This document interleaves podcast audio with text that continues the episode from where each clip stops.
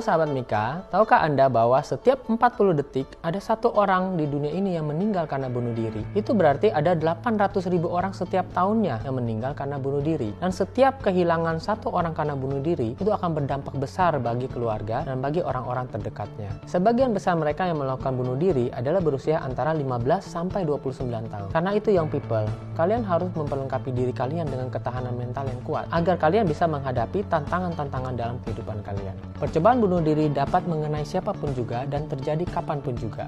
Namun hal ini bisa dicegah. Saya Dr. Lucky, psikiater, mengucapkan selamat Hari Kesehatan Jiwa Sedunia. Together we can save life. Mitra Keluarga Life, Love, Laughter